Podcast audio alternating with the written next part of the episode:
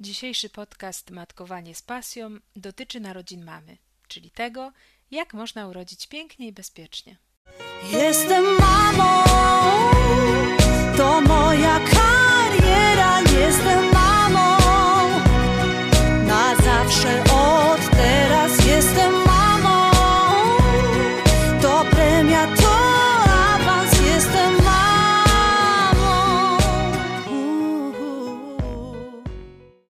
dobry, dobry wieczór. Nazywam się Aleksandra Nitkiewicz i witam Was serdecznie. Razem z małżeńską karierą rozpoczynamy serię podcastów Matkowanie z pasją. Dziś pierwszy odcinek. Jak urodzić bezpiecznie i pięknie. W tym podcaście odpowiemy sobie na pytania: jaka jest najlepsza pozycja porodowa dla mamy i dziecka? Kto musi być przy porodzie? Gdzie najlepiej urodzić? Zapraszam. Mama, tata, start.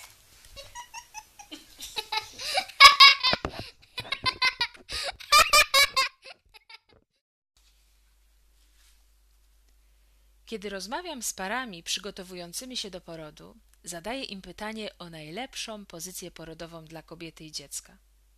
Jak myślicie? Co odpowiadają?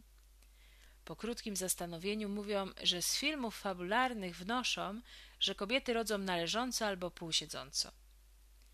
Czasami zdarzają się tacy rozmówcy, którzy jako najlepszą pozycję porodową wymieniają pozycję kłuczną lub mówią o porodzie w wodzie. Odpowiedź na pytanie o najlepszą pozycję porodową bardzo dobrze oddaje to, co mamy w głowach, myśląc o tym wydarzeniu, często jednak nijak ma się do rzeczywistości. Sami przyznacie przecież, że różnica między porodem należąco a porodem w kucki jest tak zasadnicza, że trudno sobie wyobrazić, by obie były właściwe. Aby rozstrzygnąć, jaka pozycja porodowa będzie najlepsza dla kobiety i dziecka, warto zastanowić się nad tym, jakie czynniki odgrywają w porodzie kluczową rolę. Kiedy pytam o to pary, odpowiadają, że trzeba wziąć pod uwagę położenie dziecka i budowę macicy. Mają rację. Zatem przeanalizujmy te dwa czynniki. Prawidłowo ułożone do porodu dziecko jest skierowane główką w dół. Jeżeli zaś chodzi o budowę macicy, to można sobie wyobrazić, że ma kształt, powiedzmy, odwróconej gruszki. Grubsza część jest na górze, chudsza na dole, a to, co w gruszce nazywamy ogonkiem, odpowiada szyjce macicy. Dziecko, gdy pojawia się w macicy, implantuje się w jej wewnętrznej ściance i zaczyna rosnąć. Kiedy osiąga swój docelowy wymiar, wysyła sygnał do organizmu matki: Jest mi za ciasno. Już wiecie, jak zaczyna się poród. Na ten impuls dziecka organizm matki zaczyna produkować hormon o nazwie oksytocyna, który powoduje skurcze macicy. Czy wiecie, jak działają skurcze porodowe?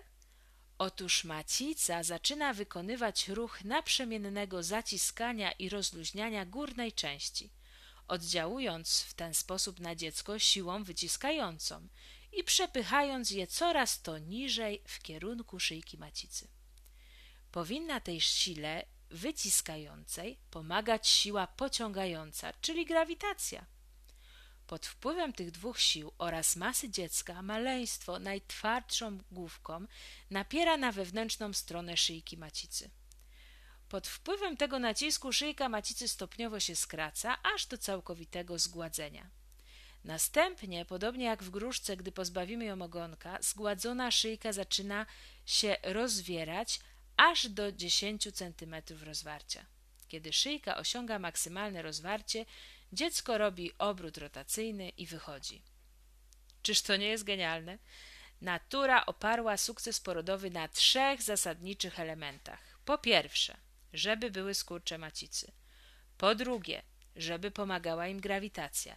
I po trzecie, żeby otwór, przez który przechodzi dziecko, miał 10 centymetrów. Jak określić najlepszą pozycję porodową dla kobiety i dziecka? Trzeba przeanalizować ją pod kątem tych trzech elementów prawidłowego porodu fizjologicznego. Zaczynamy zatem. Jeżeli chodzi o rodzenie w filmowej pozycji leżącej, to po pierwsze, skurcze działają, ale nie osiągają 100% swoich możliwości, bo po drugie, dziecko pod wpływem siły grawitacji napiera główką i całą swoją masą na kość ogonową mamy, a więc w kierunku odmiennym od kierunku wyjścia. Zatem skracanie i rozwieranie szyjki będzie zakłócone. Załóżmy jednak, że cały poród kobieta była w pozycji pionowej, a dopiero w końcówce położono ją.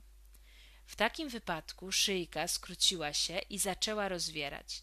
Jednak ostatecznie zamiast maksymalnego rozwarcia 10 cm będzie miała 30% mniej, ze względu na to, że naciska kość ogonową kobieta, więc zgodnie z prawami fizyki i biologii maksymalne rozwarcie będzie o około 30% mniejsze niż w pozycji pionowej. Ponadto w pozycji leżącej w związku z pomniejszonym rozwarciem często dokonuje się nacięcia krocza ze względu na to, że przez grawitację, która ciągnie dziecko w dół, ten dolny odcinek szyjki macicy będzie niewspółmiernie obciążony. Wyobraźcie sobie sytuację, że w niektórych szpitalach, w których pozycja leżąca jest nagminnie stosowana, w tak zwanych przyszpitalnych szkołach rodzenia, wprowadzono zajęcia na temat jak pielęgnować krocze po nacięciu. Jest to spore nadużycie, bo w ten sposób wyrabia się w kobietach przekonanie, że jest ono elementem porodu, a tymczasem jest ono konsekwencją nieprawidłowej i nienaturalnej pozycji rodzącej. Warto o tym temacie przeczytać więcej na stronach Fundacji Rodzić po ludzku, która prowadziła między innymi bardzo głośną kampanię pod nośnym hasłem Nie daj się naciąć. Zatem czy już wiecie, jaka jest najlepsza pozycja porodowa dla kobiety i dziecka? Odpowiedź jest tylko jedna. Najlepszą pozycją do porodu dla kobiety i dziecka jest każda pozycja wertykalna, czyli pionowa. Tutaj powiemy sobie o trzech najpopularniejszych. Budzące duże zainteresowanie porody wodne w założeniu powinny odbywać się w jednoosobowych basenach dostępnych do wypożyczania, gdzie rodząca w pozycji stojącej wspiera się o ścianki basenu, a woda obejmuje zarówno jej brzuch, jak i chociaż częściowo piersi. Wiele ciekawych filmików można obejrzeć na YouTubie pod angielskim hasłem Home Birth. Dla dziecka taka pozycja jest o tyle ciekawa, że unika ono szoku środowiskowego, bo z wód płodowych wydostaje się ono prosto do wody basenowej. Takie dziecko może oddychać w wodzie, bo tuż po porodzie ma tlen dostarczany przez pepowinę. Dla mamy poród w wodzie ma walor znieczulający, gdyż woda rozluźnia mięśnie, więc skurcze polegające na napinaniu mięśni nie są aż tak dotkliwie odczuwalne, jak bez tego naturalnego uśmierzacza. W pozycji stojącej kobieta może rodzić oczywiście także poza basenem. Dobrze wtedy, jeśli towarzyszy jej na przykład mąż i może objąć go za szyję, odciążając chociażby nieznacznie swoje nogi. Mąż może wtedy podtrzymywać boki rodzącej, a położna od tyłu, klęcząc na ziemi, asekuruje dłońmi wychodzące dziecko. Pozycją wybieraną często przez świadomie rodzące mamy jest pozycja w klęku podpartym. Rodząca, klęcząc w rozkroku, wspiera się łokciami na przykład na krześle lub łóżku. Osoba towarzysząca może w takiej jej pozycji masować dolny odcinek kręgosłupa rodzącej albo jej uda. Taki masaż może znacznie ułatwić przetrzymanie skurczy, natomiast położna za rodzącą lub z jej boku, klęcząc jak wcześniej, może asekurować dłońmi wyłaniające się dziecko. Tę pozycję w klęku podpartym może rodząca przyjąć na materacu lub nawet na szpitalnym łóżku, podpierając się o podniesiony zagłówek łóżka, Dziecko nie potrzebuje wtedy asekuracji, gdyż łagodnie opadnie z niedużej wysokości na miękkie podłoże. Ostatnią, omawianą przez nas pozycją wertykalną, dobrą do porodu, jest pozycja kuczna. Osoba towarzysząca rodzącej może siąść w fotelu lub krześle czy na łóżku w lekkim rozkroku, natomiast rodząca kuca opierając się plecami o swojego towarzysza, który podtrzymuje ją pod pachami, tworząc jednocześnie rodzaj oparcia z podpórkami. W tej pozycji rodząca jest zwrócona tyłem do swojego towarzysza, a przodem do położnej, która klęcząc przed rodzącą asekuruje wyłaniające się dziecko i chroni krocze. Jest to dość wygodna dla rodzącej pozycja, zwłaszcza jeśli można wykorzystać do niej taboret porodowy w kształcie podkowy, który podtrzymuje zmęczone uda rodzącej. Pozycje wertykalne w porodzie mają wiele zalet. Rozwarcie w każdej z tych pionowych pozycji ma swoje maksimum, czyli 10 cm. Krocze w żadnym miejscu nie jest nierównomiernie obciążane rodzącą się główką, a moc oddziaływania siły skurczy jest wzmocniona grawitacją.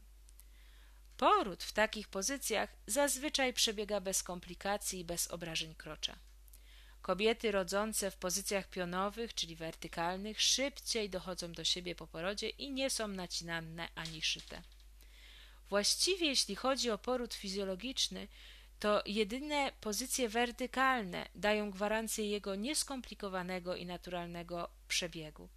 Natomiast każda pozycja horyzontalna, a więc leżąca lub półsiedząca, będzie sporym ryzykiem z powodu niezgodności z siłami fizycznymi i prawami biologii. Warto też wiedzieć, że kobiety, które same mogą zdecydować o pozycji porodowej i wiedzą, jakie mają możliwości, zawsze wybierają pozycje wertykalne, czyli pionowe, ponieważ w takich pozycjach odczuwalność skurczy jest znacznie mniejsza, natomiast doznania bólowe w czasie skurczy znacznie wzrastają w pozycji siedzącej lub leżącej na plecach. Mama, tata, start.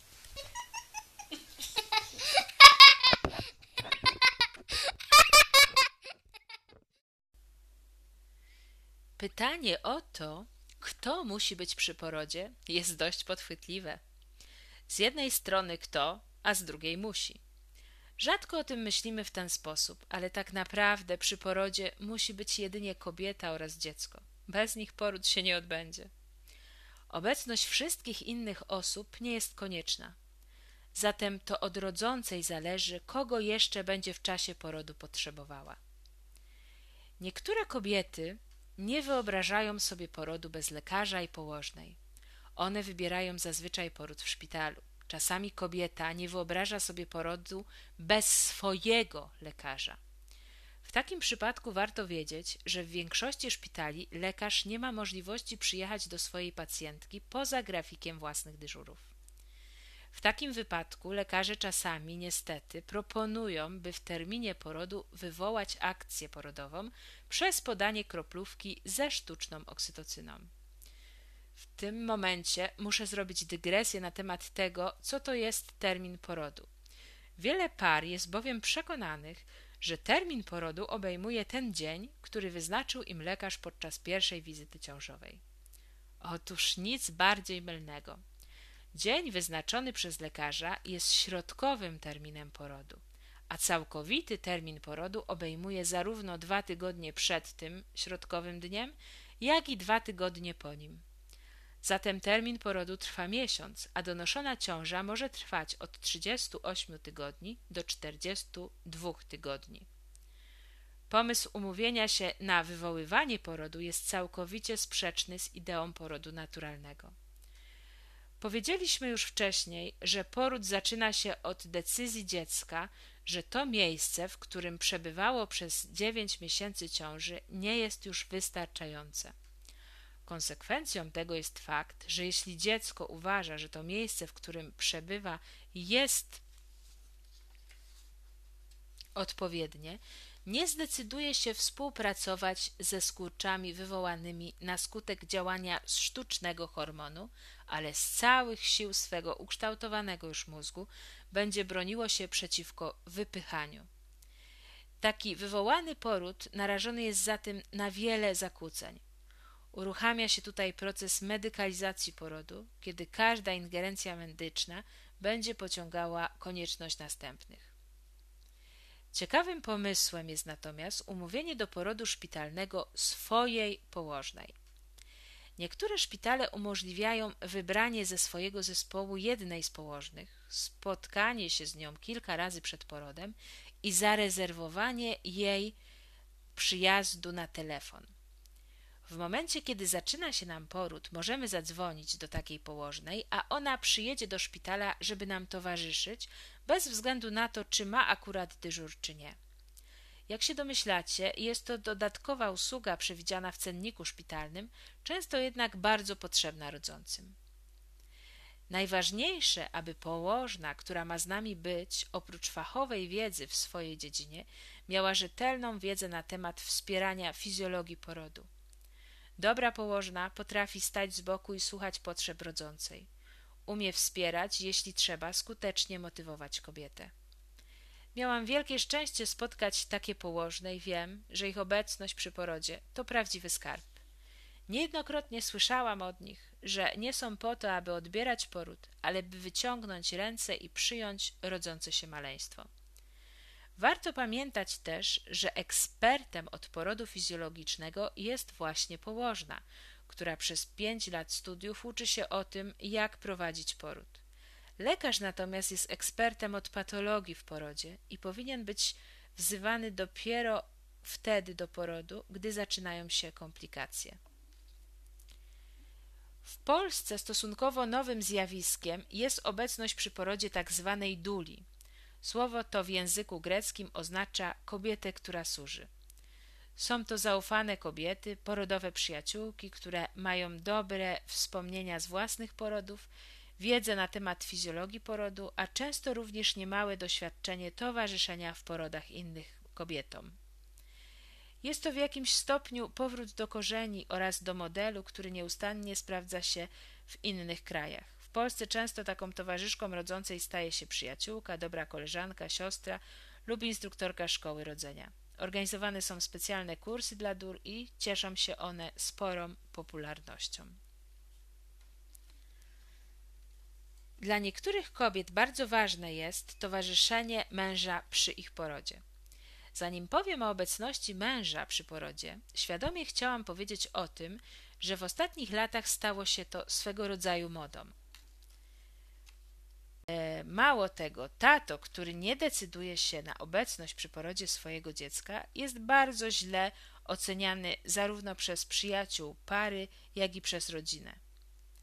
Tymczasem od stuleci naturalnymi towarzyszami rodzących kobiet były inne kobiety, czasem akuszerki, a czasem po prostu osoby poważane w społeczności z doświadczeniem własnych porodów.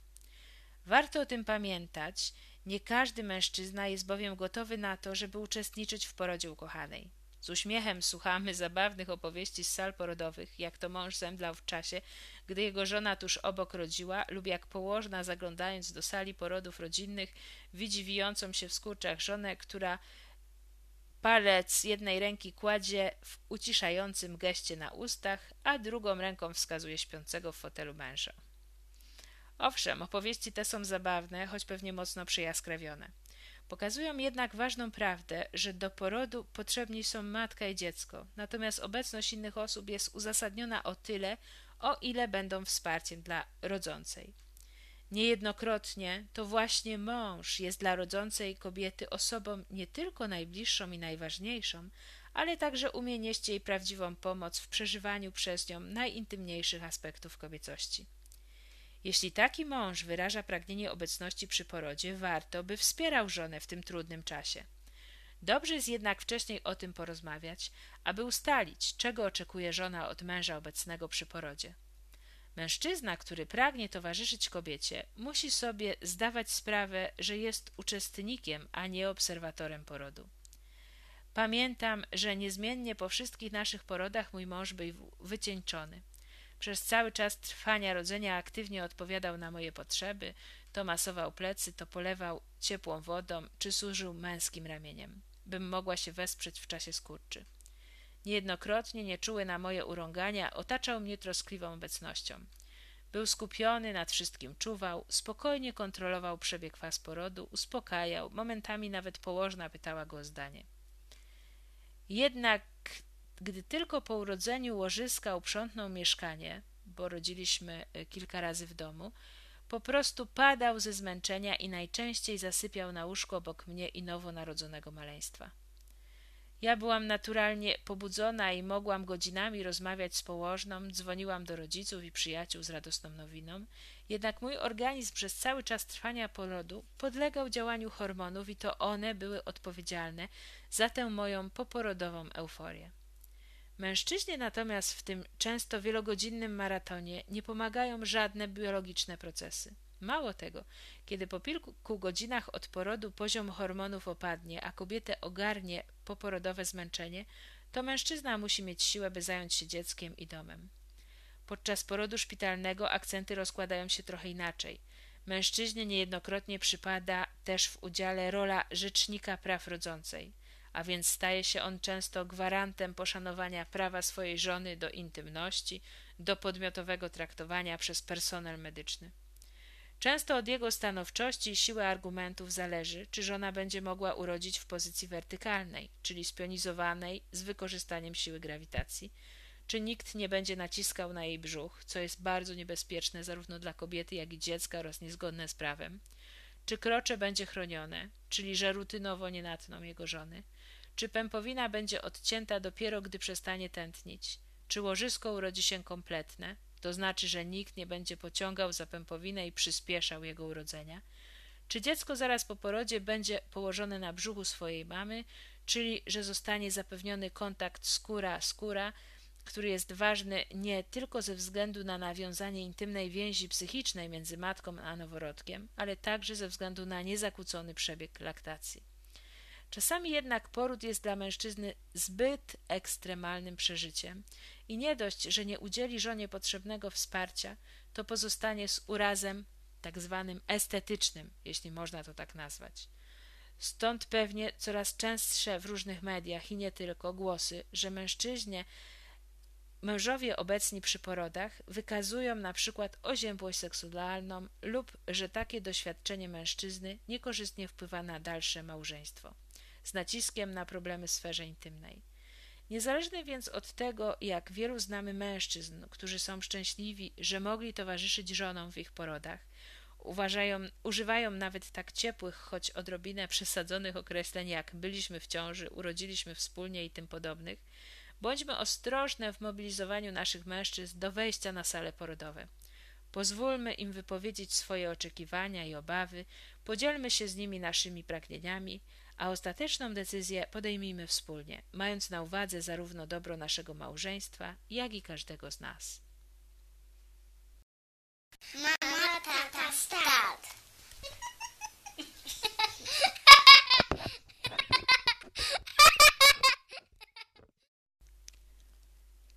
Pamiętam, że gdy szesnaście lat temu oczekiwałam narodzin mojej pierwszej córki, intensywnie myślałam o najlepszym miejscu rodzenia i nieustannie zadawałam sobie pytanie, gdzie urodzić.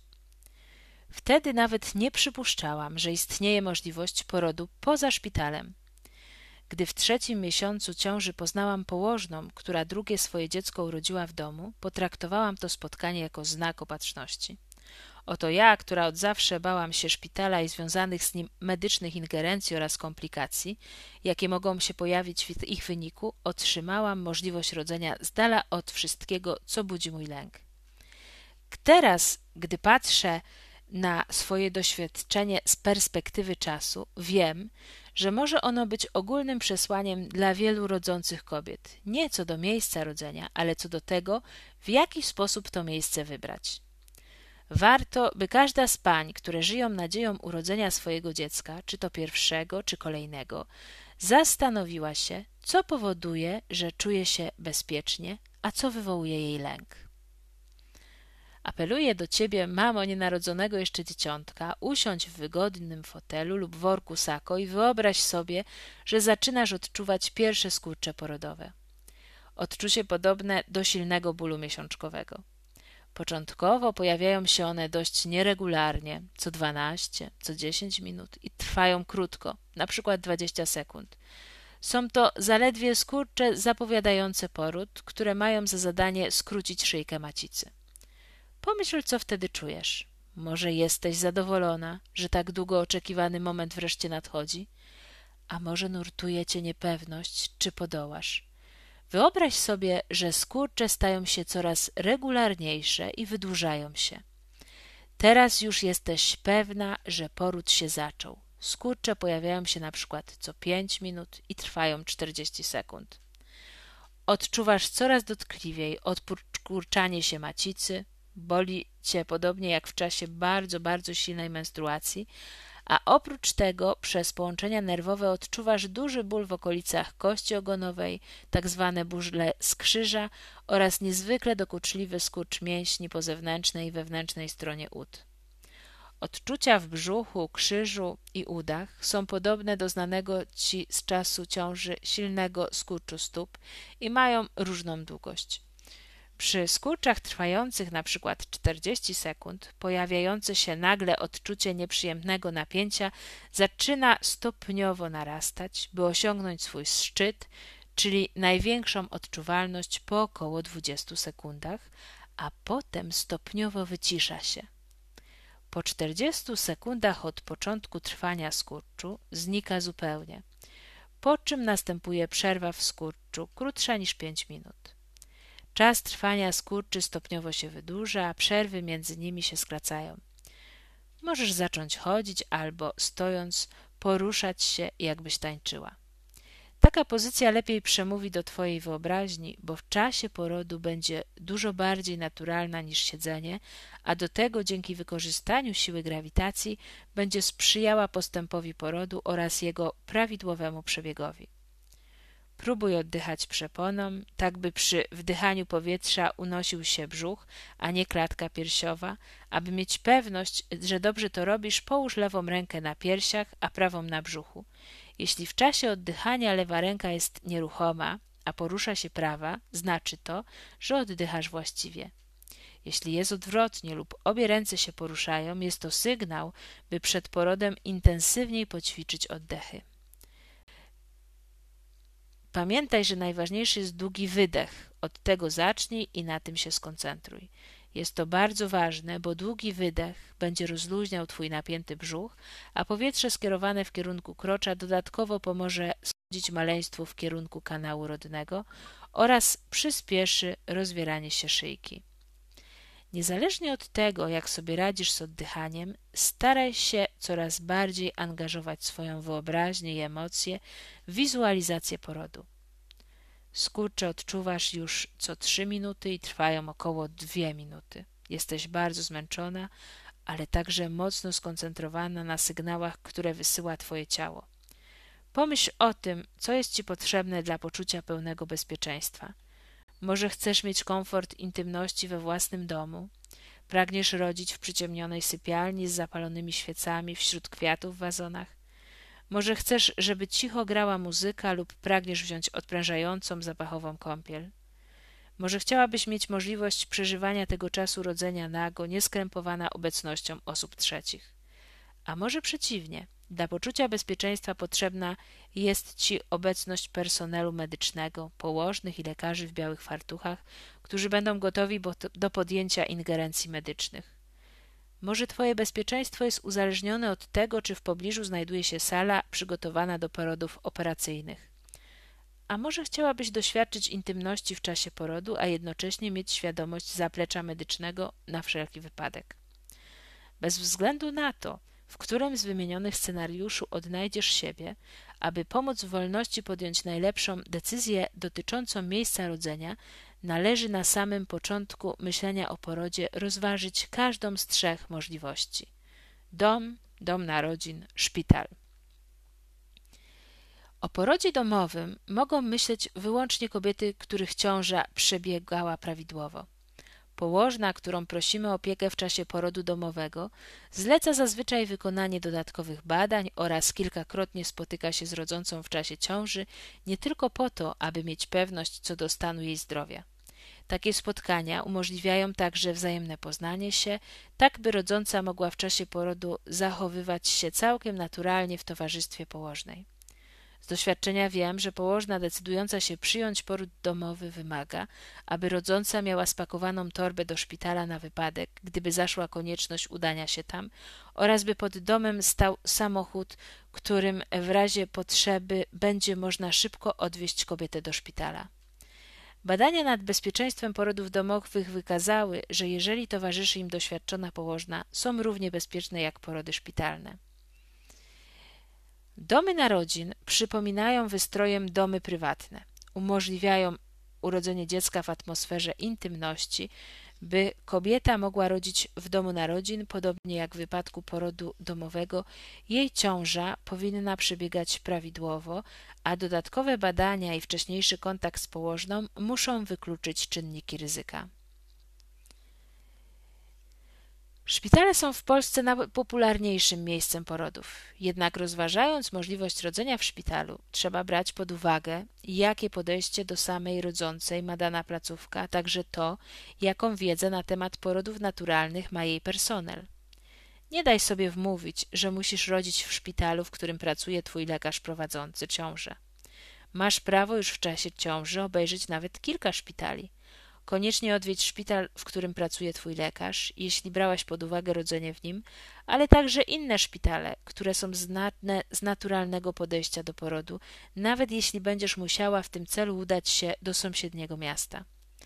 Rodzące z naszej szkoły rodzenia robią takie wycieczki, czasem nawet trzy miesiące przed porodem. Mają ze sobą listę pytań, mm, które warto zadać położnej oprowadzającej po szpitalu. Przygotowują ją zazwyczaj w oparciu o plan porodu, którego druk można wydrukować ze strony Fundacji Rodzić po ludzku. Dzisiaj to wszystko, co dla Was przygotowaliśmy. Jeśli chcecie wiedzieć więcej, zapraszamy do przeczytania naszej książki o ciąży, porodzie i połogu. Mama, tata, start. Właśnie o takim tytule. Przyszłą niedzielę zapraszamy na drugi odcinek podcastu Matkowanie z Pasją, tym razem na temat Tata przy porodzie. Oczywiście będzie gość specjalny, pewnie domyślacie się, że doświadczony tata. Zapraszamy, do usłyszenia, miłego dnia, dobranoc. Jestem mamą, to moja kariera, jestem mamą, na zawsze.